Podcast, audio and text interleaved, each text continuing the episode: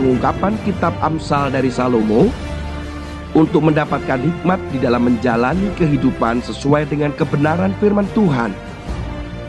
Dibawakan oleh Tony Nardiwiono. Selamat mendengarkan.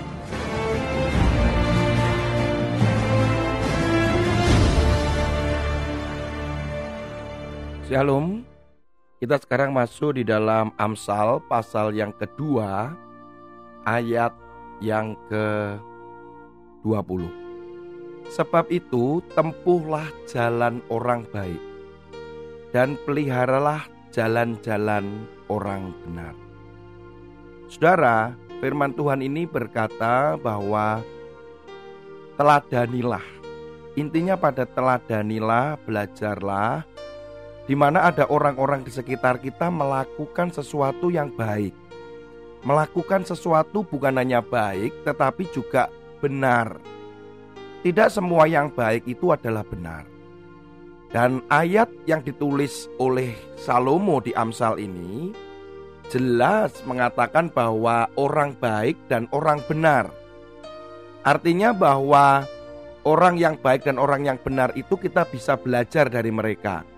Tempuhlah jalan artinya ikuti. Peliharalah jalan itu artinya tetap melakukan. Saudara, pada dasarnya manusia ini adalah manusia pembelajar.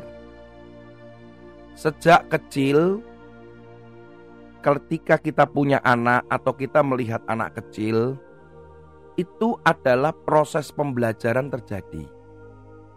Lewat visual, lewat pendengaran, lewat pengalaman. Manusia itu akan belajar. Di dalam teori belajar pun demikian.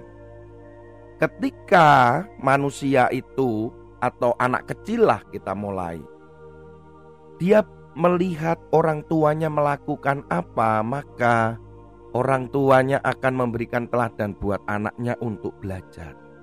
Anak ini akan melakukan hal yang sama pada usia tertentu bahkan anak-anak disebutkan sebagai the great observer artinya dia adalah pengamat yang terbaik dari pengamatannya kemudian dia akan mengolah di dalam pemikirannya, kemudian mencoba melakukan.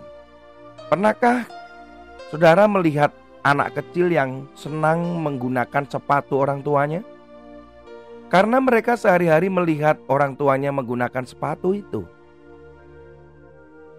Suatu hari kami punya asisten rumah tangga dari luar pulau. Mungkin karena latar belakang pendidikannya, sehingga kami perlu usaha untuk mendampingi, membimbing, dan mengajar dia. Tetapi memang ada kesulitan pemahaman, baik itu mungkin bahasa Indonesia ataupun memang kami dianggap saja kami kurang sabar. Sehingga muncullah teriakan-teriakan. Teriakan bukan marah, tetapi teriakan dalam arti untuk memanggil atau untuk memberikan instruksi, karena mungkin pendengarannya juga bermasalah. Sangat kaget sekali ketika anak saya juga melakukan hal yang sama tanpa saya memberikan pelajaran khusus kepada anak saya. Tiba-tiba anak saya waktu memanggil asisten rumah tangga itu atau ketika berbicara atau ketika sedang bermain kami mengamati itu dan wah, anak-anak ini mulai belajar sesuatu dari kita. Lain yang masalah lain. Saya kalau mandi sering kali tidak membawa handuk. Sehingga saya akan meminta untuk tolong ambilkan anduk kepada istri saya atau kepada orang yang ada di luar kamar mandi. Tanpa sadar ternyata itu juga diikuti oleh anak-anak saya. Kalau mandi lupa membawa anduk atau sengaja membawa anduk. Atau sengaja memang tidak membawa handuk seperti papanya. Anak-anak adalah the great observer. Dia akan mengamati dan belajar. Hari ini kita belajar tentang firman Tuhan bahwa kita juga bisa belajar dari orang lain. Siapa orang di sekitar saudara yang mereka adalah orang-orang yang melakukan sesuatu dengan baik dan benar secara firman Tuhan. Nah, bagi saya bahwa diperlukan bagi kita bahwa ada sosok yang kelihatan untuk kita memang proses belajar. Baik itu di perusahaan, baik itu di dalam lingkungan pertemanan, di dalam komunitas saudara. Tidak mengenal bahwa saudara adalah orang yang senior, orang yang uh, sudah menguasai, berpengalaman, berpendidikan tinggi. Tetapi tetap saja diperlukan saudara belajar dari orang lain. Belajarlah rendah hati untuk belajar dari orang lain yang mana mereka melakukan yang baik dan yang benar. Hal yang kedua yang kita belajar pada hari ini adalah sanggupkah kita sebaliknya untuk menjadi teladan bagi orang lain. Di mana kita juga melakukan yang baik dan benar tentunya. Di dalam perilaku kita, dalam ucapan kita, di dalam sikap kita.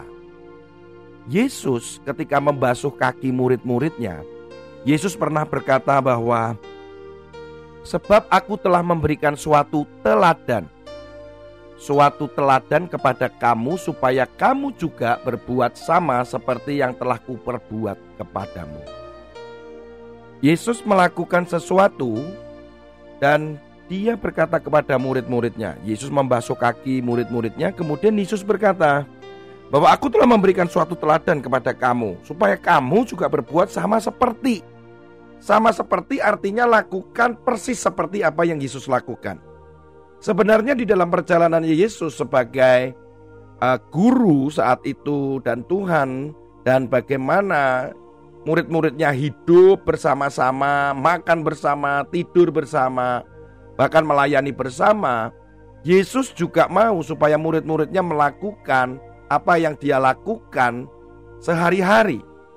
Bukan hanya sekedar perkataan tetapi tindakan-tindakan nyata menolong orang, menyembuhkan, mengampuni, bersikap dengan tegas, menyatakan kebenaran. Itu yang Yesus tunjukkan kepada murid-muridnya dan murid-muridnya belajar dari apa yang dilihat itu. Bukan hanya Yesus saja, ternyata Paulus juga hidup di dalam keteladanannya dia. Ketika ada dikatakan di dalam di jemaat Korintus, jemaat Filipi, surat kepada Timotius, di dalam 1 Korintus pasal 4 ayat yang ke-16 Dia berkata begini Sebab itu aku menasehati kamu Turutilah teladanku. Sepertinya dengan berani sekali Paulus mengatakan Turutilah teladanku. Kemudian di pada jemaat Filipi Kemudian pada jemaat Filipi Demikian pula Paulus berkata Saudara-saudara ikutilah teladanku dan perhatikanlah mereka yang hidup sama seperti kami yang menjadi teladanmu. Saudara bahwa Paulus itu berani mengatakan bahwa ikutilah teladanku. Kemudian Paulus juga berkata, perhatikanlah teladanku. Artinya hidup itu menjadi teladan. Kemudian Paulus juga mengingatkan kepada Timotius ketika Paulus berkata melalui suratnya kepada Timotius mengatakan bahwa jangan seorang pun menganggap engkau rendah. Di dalam 1 Timotius pasal 4 ayat 12. Jadilah teladan bagi orang-orang percaya dalam perkataanmu, dalam tingkah lakumu, dalam kasihmu, dalam kesetiaanmu, dan dalam kesucianmu. Paulus mengingatkan Timotius untuk menjadi teladan juga. Ketika jemaat yang ada di Tesalonika, di mana jemaat di Tesalonika sudah menjadi teladan juga, itu merupakan kebanggaan daripada Paulus yang diungkapkan di dalam suratnya kepada jemaat Tesalonika. 1 Tesalonika pasal 1 ayat yang ketujuh. Sehingga kamu telah menjadi teladan bagi semua orang yang percaya di wilayah Makedonia dan Akhaya Keteladanan itu adalah bagian dari bukti kita melakukan firman Tuhan dengan benar. Kita dilihat oleh banyak orang di sekitar kita. Kita dilihat oleh suami, dilihat oleh istri, oleh anak-anak, rekan kerja di kantor, rekan bisnis, konsumen, pembeli, pelayan Tuhan, jemaat, siapa pun melihat kita, sudahkah kita bisa menjadi teladan yang dilihat mereka melakukan firman Tuhan dengan baik dan benar? Beranikah kita berkata seperti Paulus atau melakukan seperti jemaat di Tesalonika atau kita berbicara seperti Yesus, seperti Timotius juga bahwa ikuti teladanku, lakukan seperti yang kulakukan. Kebanyakan dari kita merasa diri kita minder, merasa diri kita nggak mampu dan nggak bisa. Itu intimidasi yang sering kali terjadi dalam pikiran kita. Kita merasa tidak layak, kita masih perlu belajar. Benar kita akan belajar dari firman, kita belajar dari tuntunan Tuhan secara langsung, kita juga belajar dari orang lain. Namun demikian, kita juga dilihat, kita akan mengajari banyak orang di sekitar kita melalui keteladanan kita. Ketika kita belajar untuk menjadi teladan, sebenarnya itu adalah sosial kontrol bagi kita, atau itu akan bisa menjadi barometer kehidupan kita, bahwa kita benar-benar di dalam keseharian kita hari demi hari, kita belajar untuk melakukan firman, melakukan firman. Di dalam ucapan kita, dalam kasih, dalam kesucian, di dalam setiap tingkah laku dan tindak tanduk kita, saudara. Dilihat oleh anak, istri, suami, dilihat oleh keponakan, cucu. Mereka akan lihat bagaimana respon kita. Itu menjadi tantangan. Firman itu akan benar-benar hidup ketika apa yang kita lakukan itu bisa menjadi berkat dan teladan bagi orang lain di sekitar kita. Ini adalah tantangan buat saudara dan saya. Bukan hanya kita punya mentor, punya guru, atau kita belajar dari orang lain yang sudah melakukan dengan baik dan benar firman Tuhan, tetapi juga itu berlaku untuk kita, saudara. Bisakah kita juga melakukan yang baik dan benar dan diteladani oleh orang lain di sekitar kita saat kita melakukan firman Tuhan? Mari kita lebih hati-hati. Ada orang-orang di sekitar kita yang memperhatikan kita dan kita bisa menjadi teladan jadi berkat bagi mereka atau sebaliknya kita menjadi batu sandungan bagi mereka. Tuhan Yesus memberkati.